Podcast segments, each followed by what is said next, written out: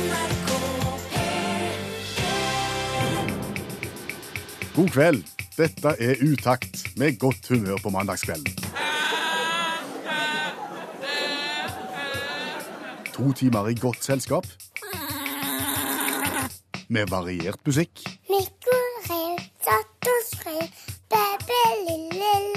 Per Øystein Kvindesland. og Bjørn Olav Skjæveland. Jeg erklærer herved Radioprogrammet Utakt for åpnet. Wouldn't It Be Good sang Nick Kershaw. Hadde det ikke vært kjekt om vi fikk det et nokså godt radioprogram? Jo, jeg må jo bare få lov å minne om eh, formålsparagrafen til Utakt. Det er at vi skal være godt selskap på en mandagskveld, og så skal vi prøve å skape godt humør. Og, og klarer vi begge de to greiene der, så kan vi ikke være annet enn fornøyde. Nei, da er mye gjort. Da er mye gjort, ja. Og for at vi skal komme i gang med humøret og den gode tonen allerede, hva skal vi snakke om? Da tenkte jeg at vi kunne starte med å snakke om begravelsesmat. Om begravelsesmat. Ja. Ja, det, det setter tonen. Ja, men jeg tror kanskje mange har tenkt det samme som meg. Hvorfor er begravelsesmat så god? Da tenker jeg den er så god og så fin fordi at vi skal hedre og vi skal skape en verdig samling til minne om den som har gått bort. Jo, jeg skjønner jo for så vidt den argumentasjonen, og jeg ser jo at jeg kanskje kan bli sett på som bitte litt egoistisk når jeg nå fremmer tanken om å servere litt dårligere begravelsesmat. For det er nemlig sånn at Tenk deg eksempel at hvis jeg faller fra litt tidligere enn jeg hadde tenkt. Altså, jeg har jo tenkt gjerne å bli 100 pluss. Ja, det vet sant? jeg. Men Og- du, du er nå midt i dine 40. Ja, og, og tenk at innen 10-20 for eksempel, så var mine dager talte. Da hadde jo jeg tenkt at det, da ville jeg servert mat i min egen begravelse som folk kjente litt. Ting som de virkelig merkte. At, at du skal, du skal være, servere triste mat. Ja, litt mer sånn, altså en mat som på en måte er, er sånn at du rett og slett føler begravelsen som, som du merker den på kroppen. Altså, jeg har jo vært i barnedåp eksempel, der det blir servert røykemakrell. sant? Og det er såpass vondt at det hører jo ikke hjemme på en festdag. Det tenker jeg, det hører mer hjemme i en begravelse. Da, da, skal, da merker du det at det ikke For jeg liker ikke røykemakrell, eksempel. Og du kunne servert andre ting òg som jeg ikke liker i en begravelse. Og, og da tror jeg at de som hadde vært i begravelsen, eh, hadde kjent det mer på kroppen. Er ikke det ganske egoistisk Jo. å tenke at det, det er mening om? Jo, det er vi enige om, men det er på en måte min bitterhet som skal markeres. Det er jeg som er borte. Og, og da tenker jeg, da kan de sitte igjen med en litt ugreie følelse òg på matfronten. Eh, Jeg vet at det er tungt med, med begravelser i utgangspunktet, og at dette her sannsynligvis ikke ville gjort det noe lettere. Men jeg tror på en måte totalopplevelsen av begravelsen hadde blitt mye sterkere hvis du serverte vond mat. Og da ville du servert Altså, utenom røykemakrell så kunne vi f.eks. tatt lever. Ja, du, Det- du er død, men vi spiser lever. Ja, men, men det, li- det liker jeg ikke. Nei. Eh, Sild eh, liker jeg ikke. Og, og hvis du da for eksempel kombinerer dette her med at alle må drikke brus uten kullsyre, eh, Lunka. lunka brus uten kullsyre, sånn som gjerne har stått i halvannen liter eh, plastikkflaske eh, i kjøleskap i to uker, sånn at det ikke er kullsyre igjen, den er ganske vond, og eventuelt lunka pils. Mm. Eh, Da tror jeg virkelig at begravelsen kunne blitt et, ver- en verdig avskjed som, hadde, som hadde merkes. Har du skrevet ned dette her i noe testamente? Nei, men nå har jeg sagt det på, på radio, og, og nå havner jo dette på dokumentasjonsbåndet, som til slutt vil uh, være mulig å søke opp i arkivet i Mo i Rana. Så nå er på en måte mitt siste ønske uh, ja, Ja. virkelig dokumentert. Dagen etterpå kan vi feire da? eller? Da kan dere gjøre hva dere vil. Da kan dere gå ut og spise hamburger og pommes frites og, og ha kullsyre i brusen og kose dere så mye dere vil.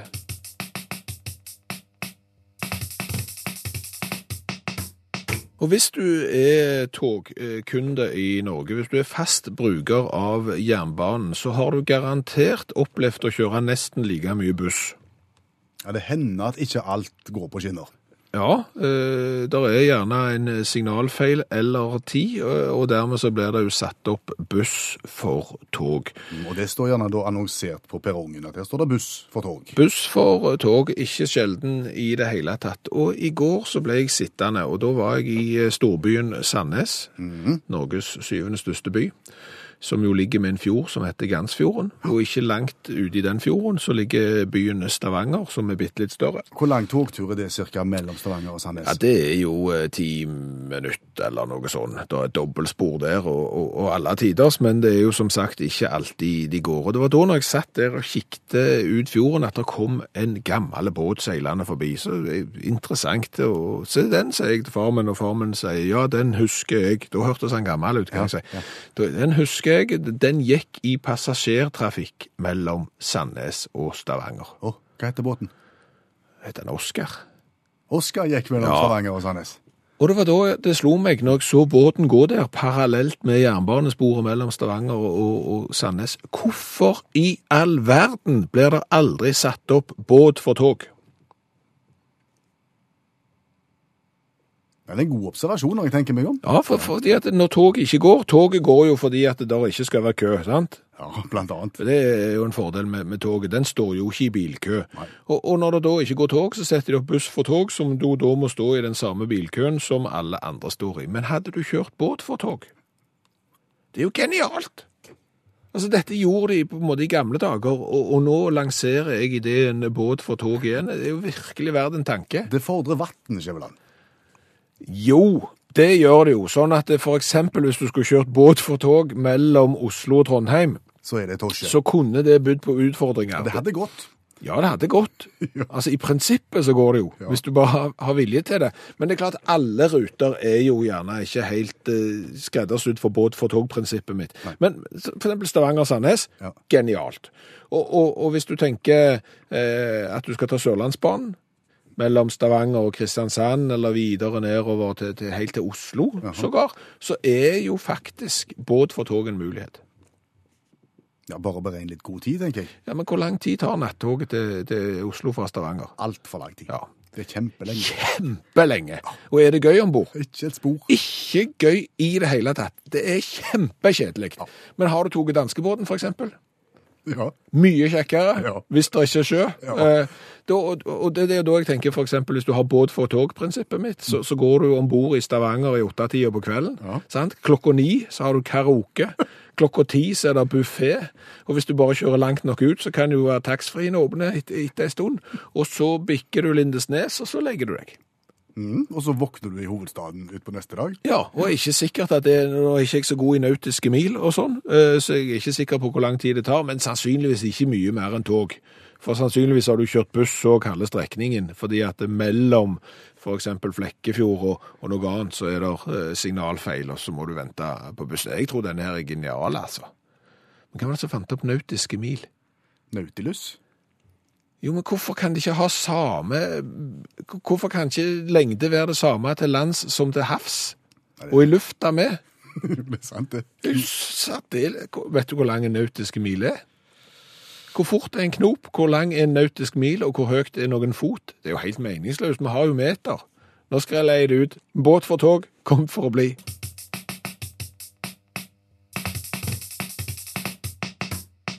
Har flere kanaler inn i dette programmet her. Det er jo eh, SMS til 1987 som du starter med utakt.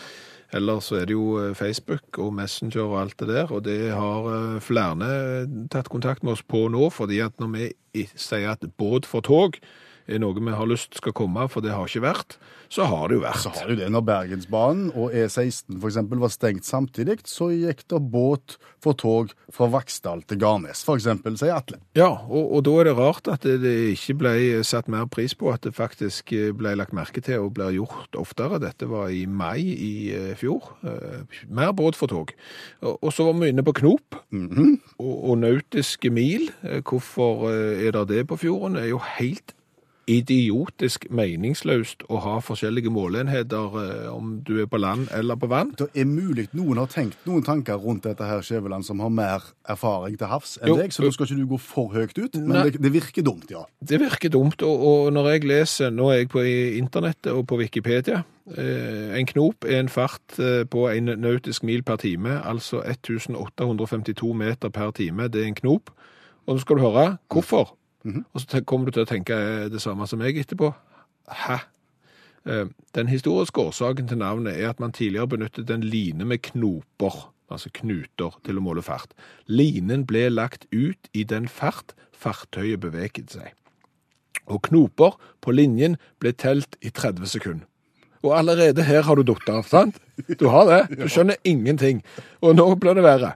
Siden det er 120 halvminutt i en time, måtte avstanden mellom to knoper på linjen være 15,43 meter, fordi 1852 meter delt på 120 er lik 15,43 meter. Hæ? Ja, vi har meter, og det virker utmerka. Når noen sier båten din rask, er kjemperask, han går 20 knop. Han går 1,852 ganger 20 km. Nei, være greie. Men apropos båt. Ja, jeg har tatt danskebåten i sommer, og det har du òg. Yep. Du betalte mye mer enn meg. Ja, det viste seg at jeg havna i Dana Cup-segmentet. Ja. Eh, Og da er det jo 150 000 nordmenn som skal over fjorden for å se poden eller datter og spille fotball. Og det vet de, Ja. de som styrer i Color Line. Ja, det, det, det vet de. Det er litt som eh, danskebåtens svar på fellesferien, på en måte. Det, da går prisen til værs. Eh, jeg tok ikke båten i, eh, i Dana Cup 10, men, men, men jeg tok tur og tur. Ja, det gjorde jeg òg. Ja, men jeg reiste bare én vei. Du betalte for tur-retur, men reiste bare én vei. Ja, og nå håper jeg Color Line hører på, eller så håper jeg gjerne ikke helt sikkert at de hører på heller, for jeg er ikke så stolt av dette her. Men, men det var sånn at vi kjørte fra Oslo via Sverige til København, og så skulle vi hjem til Ja. Stavanger. Og, og da tenkte vi nå tar vi og kjører til Hirsals, og så tar vi ferja derfra. Ja. Og så søkte jeg opp, og så så jeg på enkeltveisprisen. Hirtshals Kristiansand. Hirtshals-Kristiansand var ikke så avskrekkende, men, men jeg tenkte, jeg vet ikke hva jeg egentlig tenkte. For plutselig så slo det meg at jeg har sett sånne tilbud som heter dagstur. Ja. Da reiser du på en måte inn forbi 24 timer fram og tilbake til Danmark. Det er sikkert for å kjøpe bacon og, og, og, og skinke på boks og, og forskjellig. Jeg kjenner opp til flere som gjør det. Ja, så da søkte jeg opp eh, dagsturbillett fra Hirsals til Kristiansand med retur morgenen etterpå. Og det var mye billigere enn å reise på akkurat den samme turen med en enveisbillett. Ja, Sånn må det være. Selvfølgelig må det sånn, det er jo helt, helt logisk. Det er jo kjempelogisk. Jeg vet ikke hva de tenker. Nei, En skulle jo tro at det var dyrere å befrakte et menneske tur-retur enn bare én vei. Ja, så dermed så kjøpte jeg tur-retur-billetten, og så møtte jeg jo aldri opp til, til returen, fordi at eh, ungene var jo så trøtte, for vi hadde jo reist så seint kvelden før. Ja. Så det var på en måte argumentasjonen min, at, eh, og, og de klarte ikke å stå opp, så vi forsov oss til den. Ringte du Color og sa det og Nei, beklagte at det Skjæveland Nei, jeg gjorde ikke det, altså. Nei. Men, men, men det er jo Interessant. Det er interessant at det går an å ha tur- og turbilletter som er billigere enn bare turbilletter, og det har vel eh, faktisk skjedd med flyselskap òg, at ja. kjøper du tur- og turbillett, så er det billigere enn enveis. Skal komme på Ja, det. du skal det.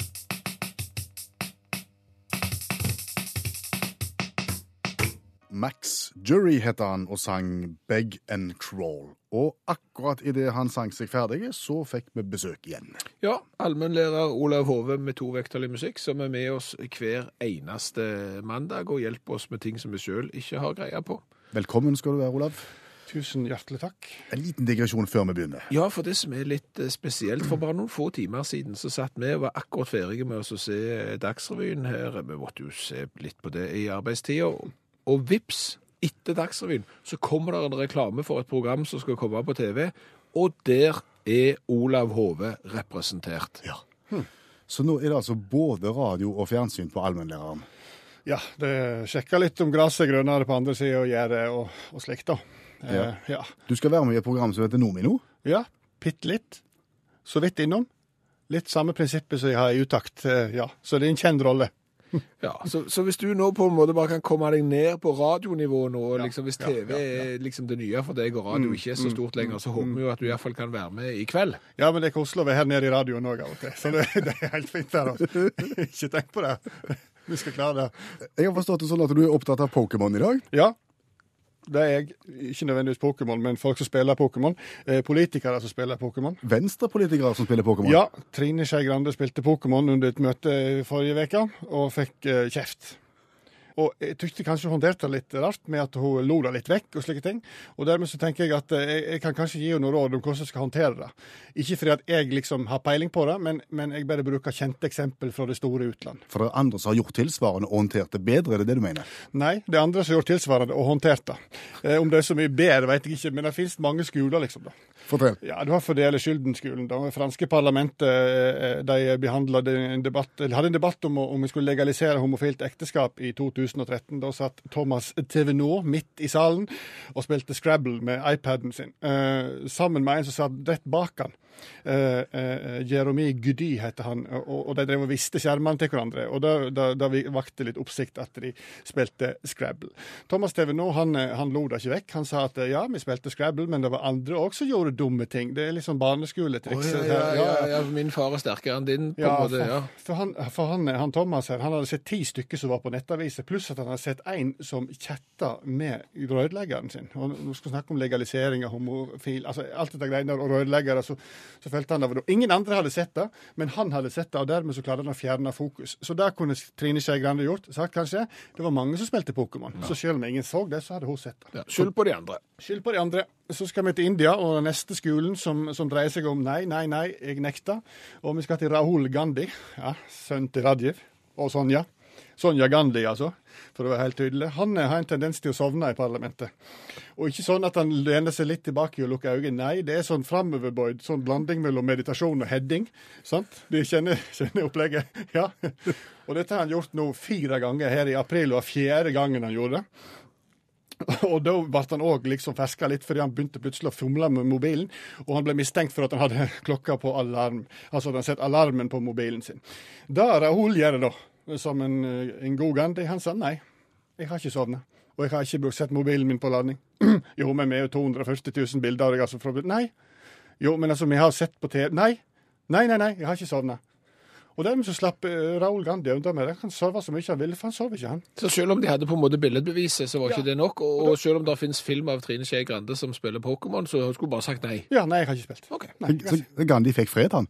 Gandhi, Gandhi fikk fred, altså, rett og slett.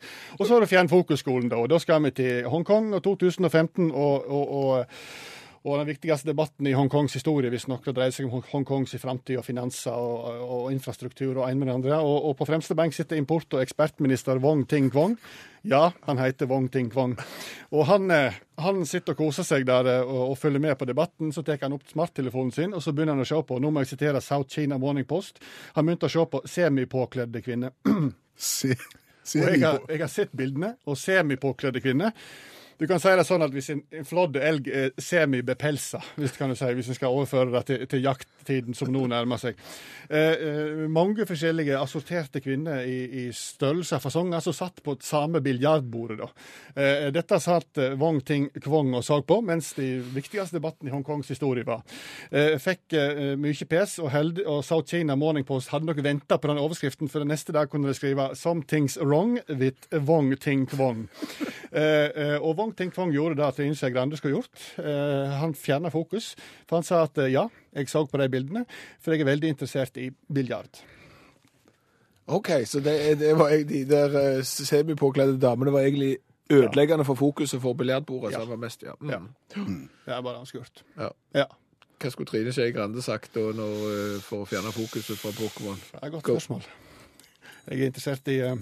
Det nye operativsystemet i mobiltelefonen min. hva det jeg skulle sagt.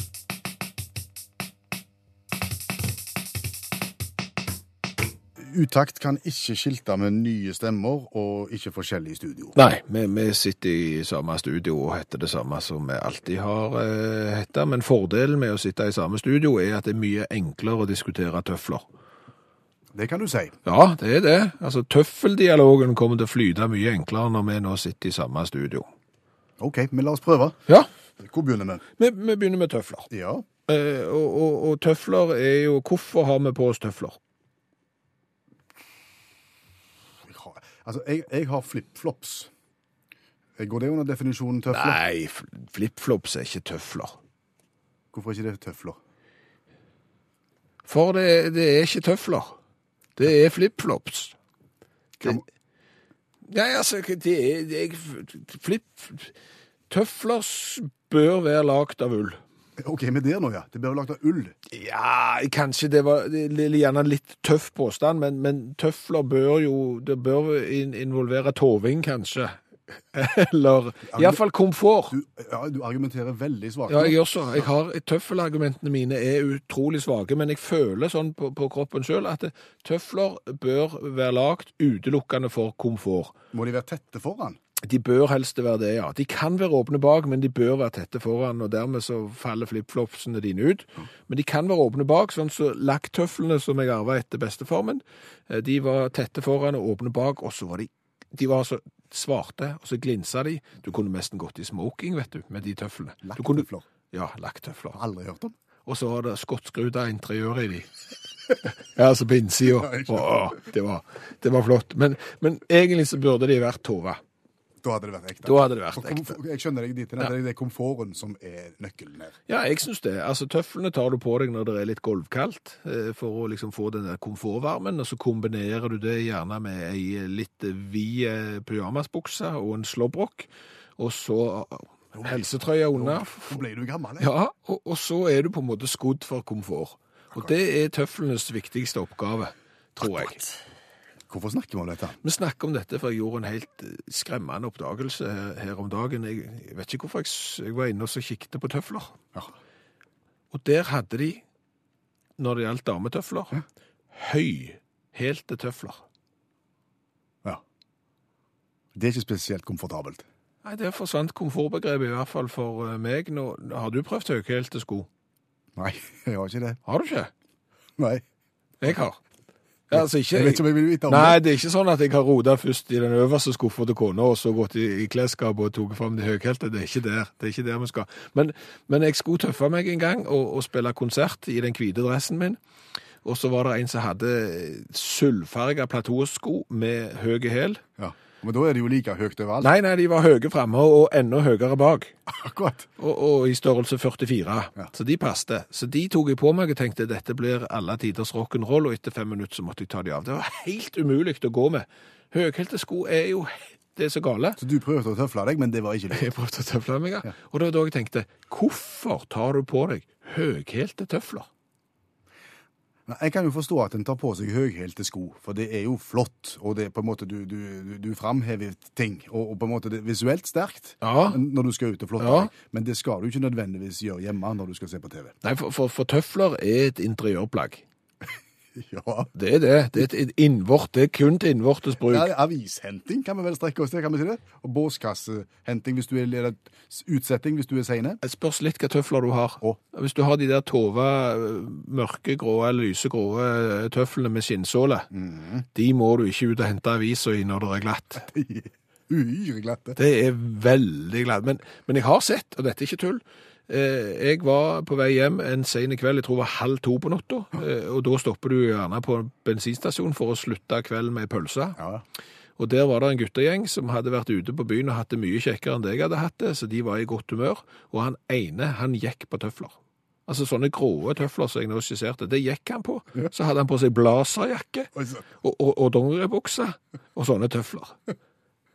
Altså, det er ikke bra. Så, så Unngå høyhælte. unngå høyhælte tøfler, og så bør de helst være tova. Eh, det bør de være, og bruk de inne. Ja. Lakktøflene, har du det ennå? Nei, vet du hva? De eh, gikk rett og slett fra hverandre. Det, det er synd. Det var et møbel, altså. Det kunne vært i stått i hylla sammen med pynteglass.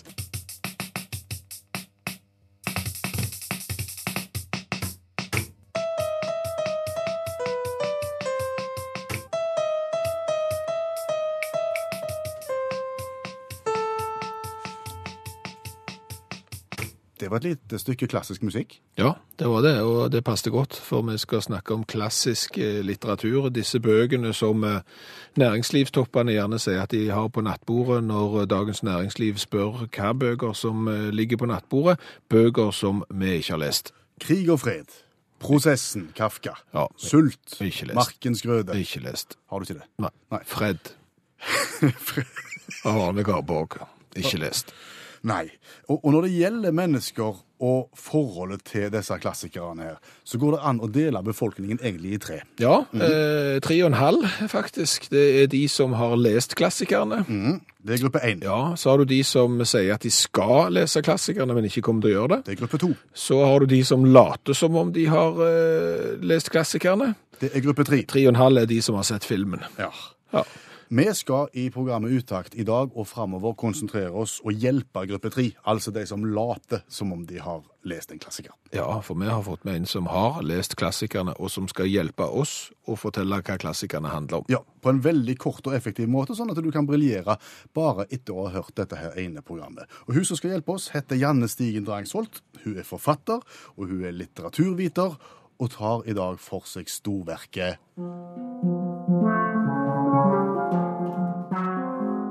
Tolstojs krig og fred fra 1869 er jo på 1400 sider. Allerede der er jo en av grunnene til at vi ikke har lest den. Ja, nemlig. Så det, at jeg tenkte vi kunne begynne med et lite handlingssammendrag, bare for å på en måte skjønne hva som er hovedlinjene i Tolstojs store verk. Det, det som du, må kunne, du må jo kunne forfatter og tittel. altså Det må du bare pugge. Så Leo Tolstoj skrev 'Krig og fred' på 1800-tallet. Og det som denne boka handler om, det er at Napoleon invaderer Russland. Aristokratiet blir veldig stressa. Det blir krig. Franskmennene trekker seg tilbake. Russerne feirer, og mange gifter seg. Okay. Det er krig og fred i et nettskap. Det er rett og slett først krig, så fred. Nemlig. Og mange gifter seg. Ja. Og det som jeg tenker kan være litt greit, det er jo å ha Altså, hva er det egentlig Tolstoy tematiserer? For det er jo alltid litt nyttig å vite, for det kan du òg ta i en ganske kjapp setning, og det er det at Tolstoy er veldig opptatt av historien, og han mener at enkeltmenneskene spiller egentlig ingen rolle i sine egne liv. Det er de historiske prosessene som bestemmer alt. Eh, og det som jo er litt paradoksalt, da, det er at han forteller dette gjennom å fokusere på enkeltmennesker, for det er jo fem familier som han eh, konsentrerer seg om. Men det som en trenger å huske, det er at det, historien bestemmer alt. Enkeltmennesket spiller ingen rolle. Fortalt gjennom enkeltmennesker. Ja. Er det et sitat? Er det en linje her vi må ta med oss? Der er jo ei linje, eh, og den er dette. Du skal dø, og da får du enten vite alt, eller du slutter å spørre. Du skal dø, og da får du enten vite alt, eller du slutter å spørre. Og det synes jeg det er en ganske sånn enkel linje å huske. Eh, den kan brukes i mange sammenhenger, og eh, den eh, er ganske imponerende.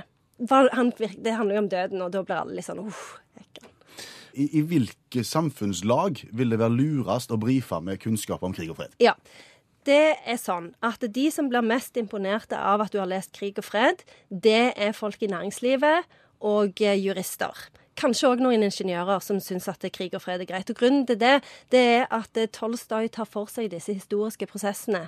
Og det syns de er ganske tøft. Pluss at de blir imponert over tykkelsen på boka 1400 sider ser ganske bra ut. Så jeg vil si at hvis du er sammen med noen jurister eh, eller næringslivstopper, eh, eventuelt mellomledere i næringslivet, kjør på med Tolstoy, og du vil komme godt ut av det. Krig og fred, skrevet av Tolstoy på 1800-tallet, handler om Det handler rett og slett om eh, krig og fred, og, og det handler om prosessene, og det handler om at eh, individet ikke er viktig. Fortalt gjennom individ. Og sitatet var Du skal dø, Og da får du enten vite alt, eller du slutter å spørre. og så er det mange som gifter seg i krig og fred. Tusen takk, Janne Stigen Drangsvold, forfatter, litteraturviter, hjelpetrener i friidrett og medlem av FAU.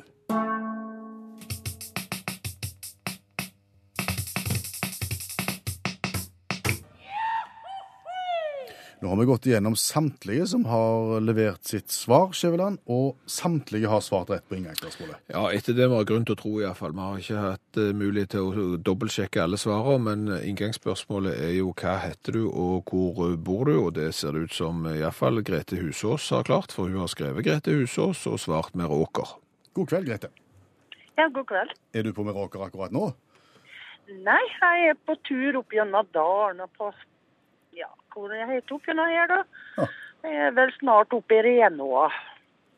Og nå har du stoppet bilen, kanskje, og så står du inntil veien og snakker med oss?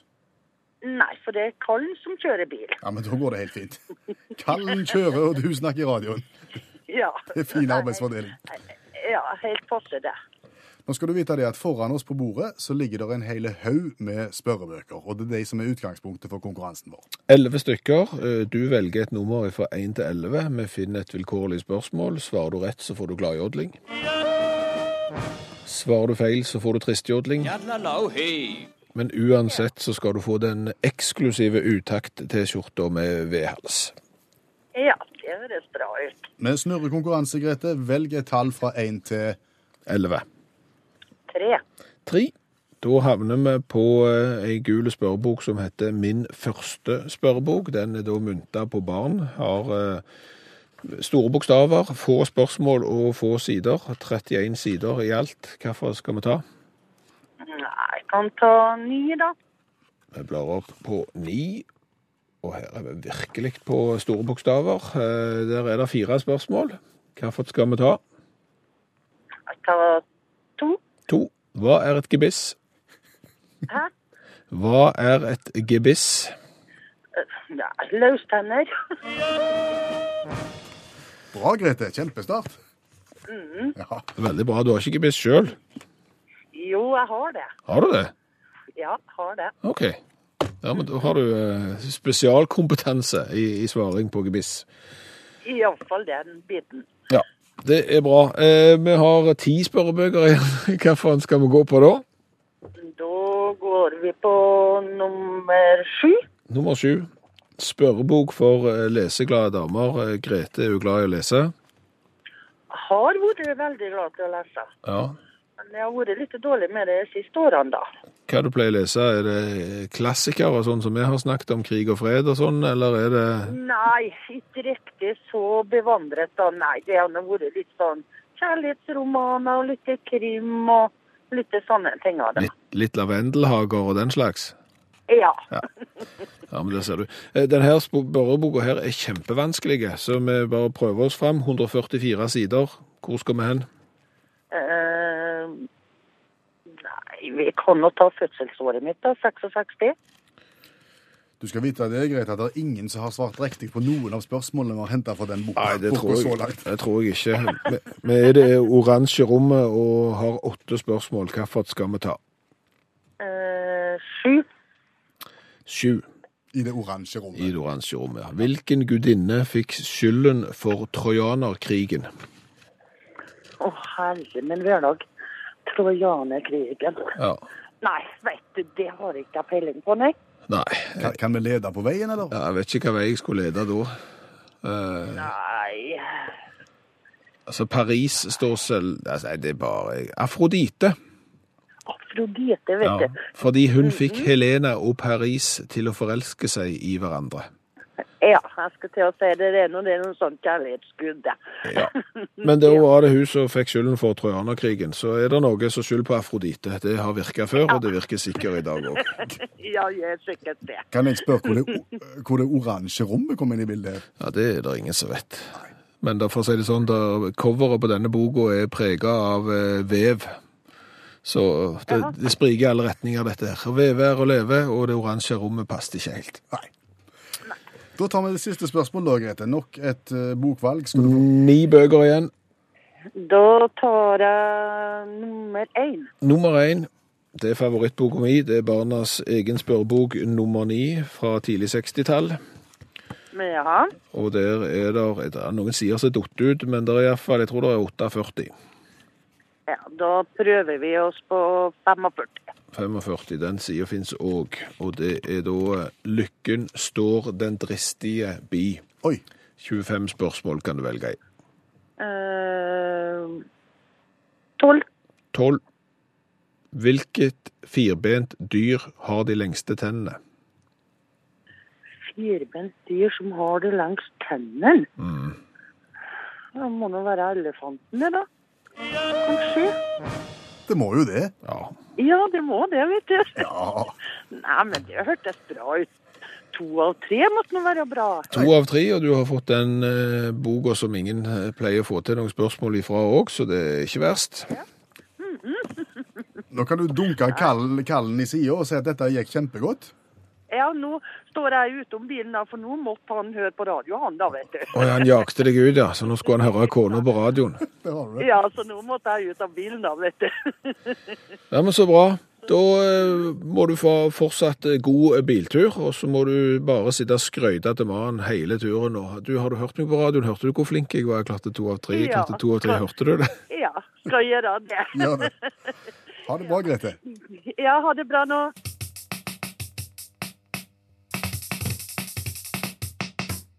Og vi skal utenriks for å smake på cola. Vi skal til Danmark. Ja. Uttaks colatest er rett og slett eh, forbrukerjournalistikk av fremste merke. Mm. Det kan virke som et egoistisk eh, greie som vi har i dette radioprogrammet, bare for å kunne si at vi er det radioprogrammet i verden som har smakt på flest typer cola. Eh, det er ikke det det er. Ja, det er ikke. Primært så er det Nei. selvfølgelig ikke det. Selv om vi nå har vært gjennom snart 100 varianter fra hele verden, så handler dette om å fortelle deg om hva du bør velge eh, når du kommer til det og det landet der ute. Ja, for for det er en jungel. Om det er. Og hadde du ikke hørt på utakt, så hadde du for eksempel gjerne gått i den fella at å, jeg skal til Sør-Korea, skal jeg eh, kjøpe meg kul? Svaret på det er nei. Et rungende nei, Ja, faktisk. det er noe av det verste som har vært produsert med kullsyre noensinne, eksempel. Så derfor så er dette viktig. Vi tar for oss en ny variant hver eneste uke basert på cola. Vi får tilsendt for deg som hører på og setter pris på det. Hvor skal vi hen? Vi skal til Danmark Ja. og Kult-cola. Ja, og jeg må si jeg er skeptisk, for dette er jo da en cola igjen i den rekka av colaer som da skal være en energidrikk. De pleier ikke å være heldige. Nei, det er World's Strongest Cola. Dette òg, eh, noe de aller fleste med mye koffein eh, påstår at de er. Og bakgrunnen for dette her er Brian Sørensen, som, som drev en av Danmarks største nattklubber. Og han trengte da et produkt som han kunne mikse i drinkene sine, som kunne gi folk eh, litt mer energi, og kunne gjøre at de kunne være bitte litt lenger oppe, og sannsynligvis legge igjen litt ekstra penger på nattklubben hans. Så han begynte da med en sherry-cola. Og sherry-cola er jo kanskje noe av det verste med kullsyre, ved siden av den sørkoreanske med kullen. Eh, og så begynte han å selge den i flasker, og fikk produsert det på en eh, mineralvannsfabrikk. Eh, og så solgte han det da, og kjørte det ut fra sin fars garasje i Århus. Og siden har det balt på seg. Det har kommet flere og flere drikker fra Kult, men de har òg da sin egen cola. Kult-cola det er altså den ikke du skal servere unger på kvelden. Ja, etter ti så, så er det ikke den med, med mye eh, koffein i. Fortell oss om boksen, fortell oss om designet. Det er en rød boks på en halv liter. Den er stort sett rød, og så har han en, en litt sånn en engelsk type logo som kunne stått på en blazerjakke til en eller annen som gikk på eh, På kostskole. På kostskole, ja. Ja. Og, og to tigrer eh, som brøler ut på sida. Det som er uvanlig med det, det er jo at det er en halv liter størrelse. Ja. Og det er sjelden brusbokser kommer i den størrelsen. Yes. Men la oss nå først smake på Kult-colaen. Og gi karakter fra 1 til 10 på smaken. Og nå skal dette være en energidrikk, men så må du jo ikke ha fordommer. Men må du smake med et åpent sinn. Ja, det skal vi gjøre. Klar og ferdig.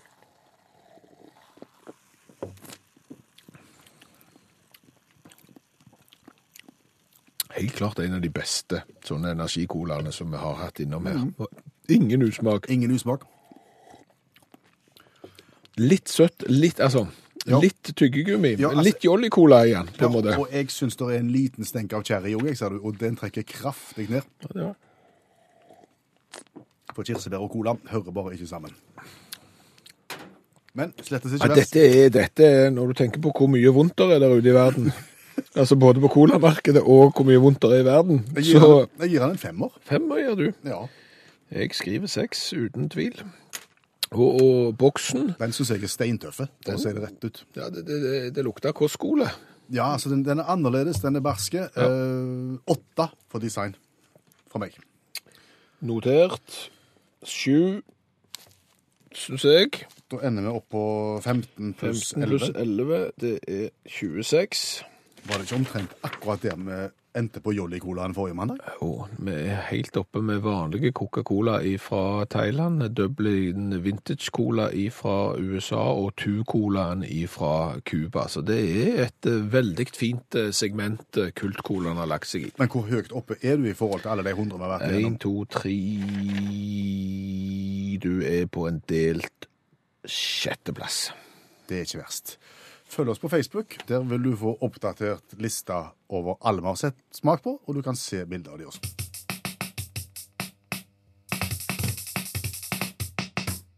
Hva er et arkitekttegna hus? Et arkitekttegna hus. Det er et hus som er tegnet av en arkitekt. Det er nok sannsynligvis helt eh, korrekt. Hva er en designstol? Det er en stol som er designa av en designer. Ja. Mm. Og, og som gjør eksempel at eh, hvis det da er en stol som heter Egget, og som er designa av Arne Jacobsen, så koster den 73 380 kroner, og såpass må du jo ha for en lenestol. Ja, ja. Det er klart. Men, men fins det eksempel hus som ikke er tegnet av en arkitekt? Det fins nok. Ja, det gjør nok det. Det er nok de som har tegnet huset sitt eh, sjøl, men, men rekkehus, eksempel, blir jo ikke solgt som arkitekttegna hus, men det er jo sannsynligvis en arkitekt som har tegnet de. Ikke sikkert han er god, eh, heller ikke sikkert at han er kjent, men, men han er gjerne arkitekt. Ja, Vi ser jo ikke for oss at en går løs på et rekkehus uten å ha tenkt og, og lagt en tegning først. Nei. Eh, Så, sånn at det er jo arkitekttegna, men blir jo aldri solgt som arkitekttegna. Og fins det stoler som ikke er designa? Nei. Det gjør vel ikke det. Altså, De kan være dårlig designa, det kan være et elendig håndverk, de kan være se Ja, ut som de er skrudd sammen av, av noen som ikke vet opp og ned på ting, og at de er helt kul mulig å sitte i. Men, men de er jo designa. Men de er jo ikke designstoler for det. Nei. Men hvis du går på, på en, en svensk møbelgigant, Som begynner på I. ja, og slutter på EA Ja, jeg aner ikke hva du snakker om. Nei, men nei, det er ikke så farlig. Nei. Men der, der er jo ofte designeren eh, hva skal du si, navngitt på prislappen, eller Mhm, på designer av eh, Flemming Poulsen Yeah, eller et eller annet fra ja. Skåby. Ja. Eh, men de blir heller ikke solgt som designerstol. Nei. Og de er jo vitterlig designa av en designer, men det er ikke en designstol. Nei. Hvorfor er det ikke det? Godt spørsmål. Ja, altså dette, dette har vi ikke svar på. Det her er bare forundrer oss uh, veldig. Altså, jeg, vil, jeg bor i arkitekttegna hus, Ja. Som er prikk likt naboene sitt. Fordi at arkitekten har tegnet deg òg. Ja, jeg, derfor jeg ikke vet om jeg nå, hvis jeg skulle selge, om jeg kunne sagt at det var arkitekten. For jeg satte meg ned med arkitekten, tegnte huset. Eh, fordi at det huset som egentlig sto der, var ikke sånn som det huset vi hadde lyst på at det skulle være. Så derfor så tegnte vi et hus sammen med arkitekten. Og dermed så ble alle de husene som da sto i rekka og som skulle bygges etterpå, de ble heller ikke sånn som de egentlig var. De ble omtrent sånn som vårt. Arkitekttegnet. Det var de jo i utgangspunktet, òg, men nå blir de arkitekttegnet av en annen arkitekt. Ja, det er samme arkitekten, men de ble arkitekttegnet på ny. På en annen måte. Okay. Ut ifra innspill av de sant? Det det er vrient, det der greiene der, altså. Ja. Men jeg skal kjøpe meg designstol.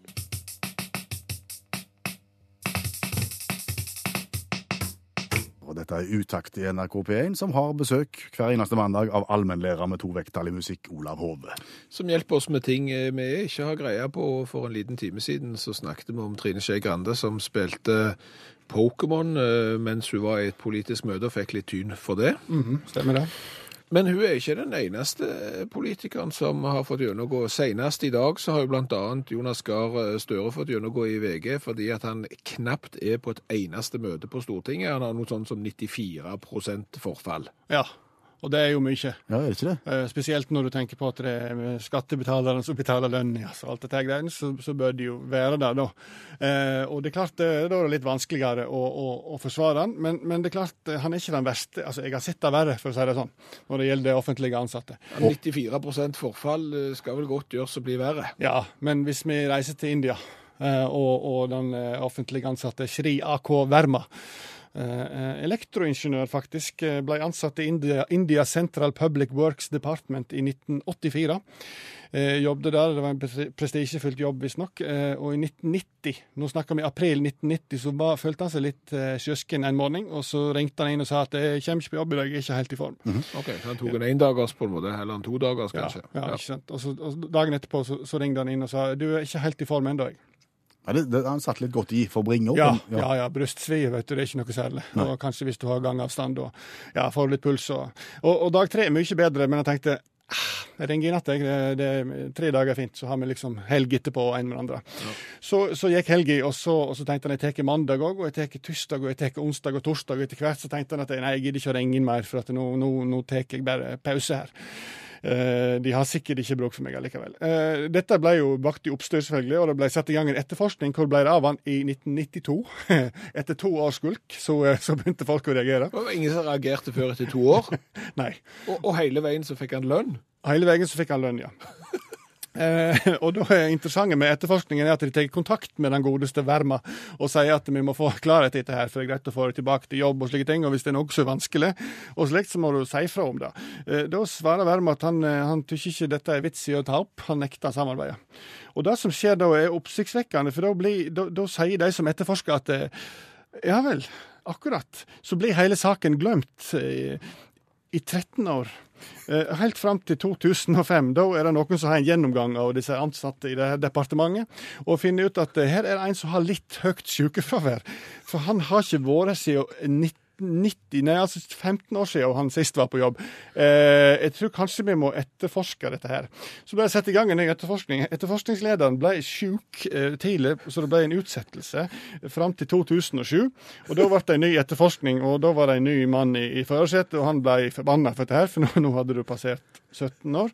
Og, og, og han, han gikk til ministeren for urban utvikling og sa at eh, jeg foreslår at vi sier han opp. Eh, det her går ikke an. Han har, han har ikke sykemelding, han har ingenting. Han har bare ikke vært på jobb, liksom. Han har heva lønn. Hva er dette her slags dyr? Eh, eh, ministeren for urban utvikling han var jo enig og sa at ja, det er klart vi sier han opp. Så gikk det åtte år, det var ingen som sa han opp da, ikke sant? for det glemte de helt. sant? Så, så, så, så går det nye åtte år, og, og da kommer vi til januar 2016. Og da finner de ut Nei, vi gir, vi gir Verma sparken.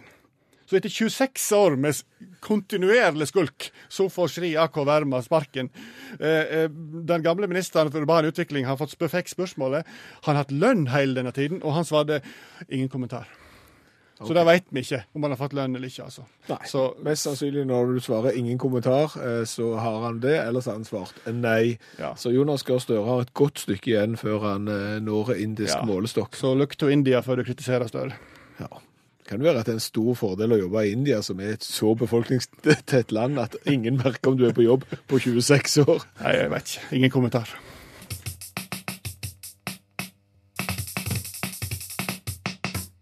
Og Husker du for et snaut års tid, Skjævland, så presenterte vi hver eneste mandag kveld eh, det vi kalte for dagens revyvise under denne vignetten.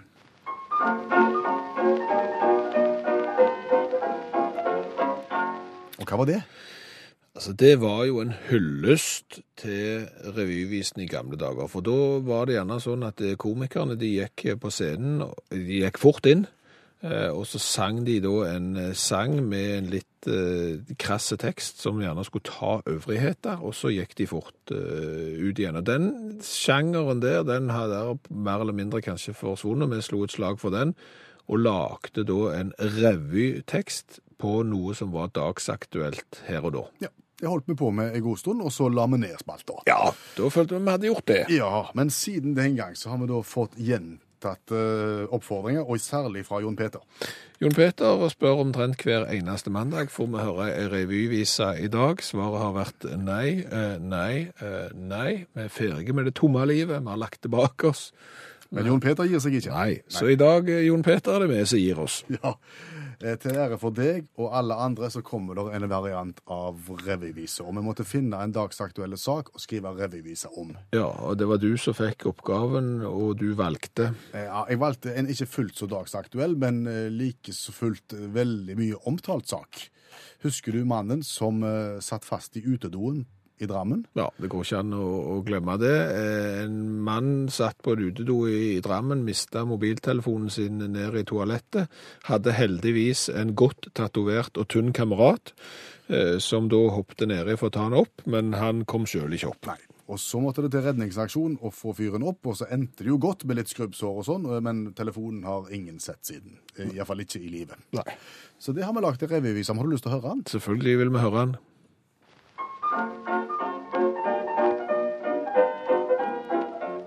Ja, han satt der så fredelig på ringen her en dag, tok en pause fra mas og fra jag. Plutselig sa det plops og mobilen datt i dass, det var iPhone med nyest i oss. Heldigvis kom en venn med tatovering, men satt fast blant urin og nyavføring. Så moralen i visa er slettes ikke vag, bruk ei do som mobilsarkofag. Tidvis sterkt, eh, men, men det er jo rimmessige utfordringer her. Når du prøver å få DOS og IOS, som er operativsystemet til iPhone, til å rime, så blir det litt vrient. DOS, IOS, Litt vagt. tatovering, avføring og vag og Ja, nei, der er, der er ting, men vi tar den en gang til.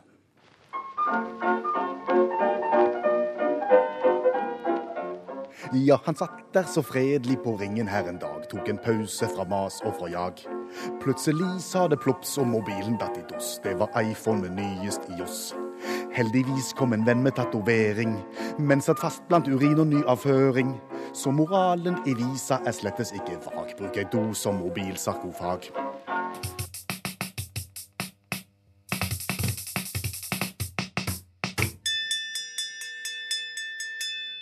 Utakt leser høyt fra boka 'Norges morsomste vitser'.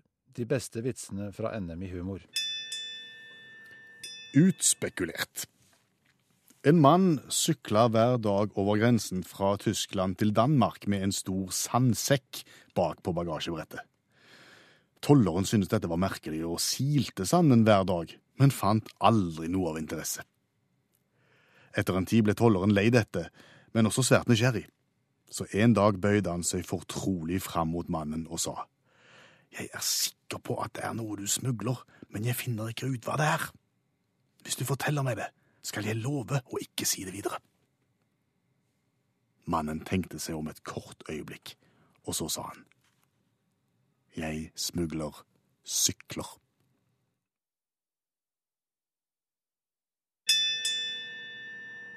Du har hørt Utakt lese høyt fra boka 'Norges morsomste vitser'.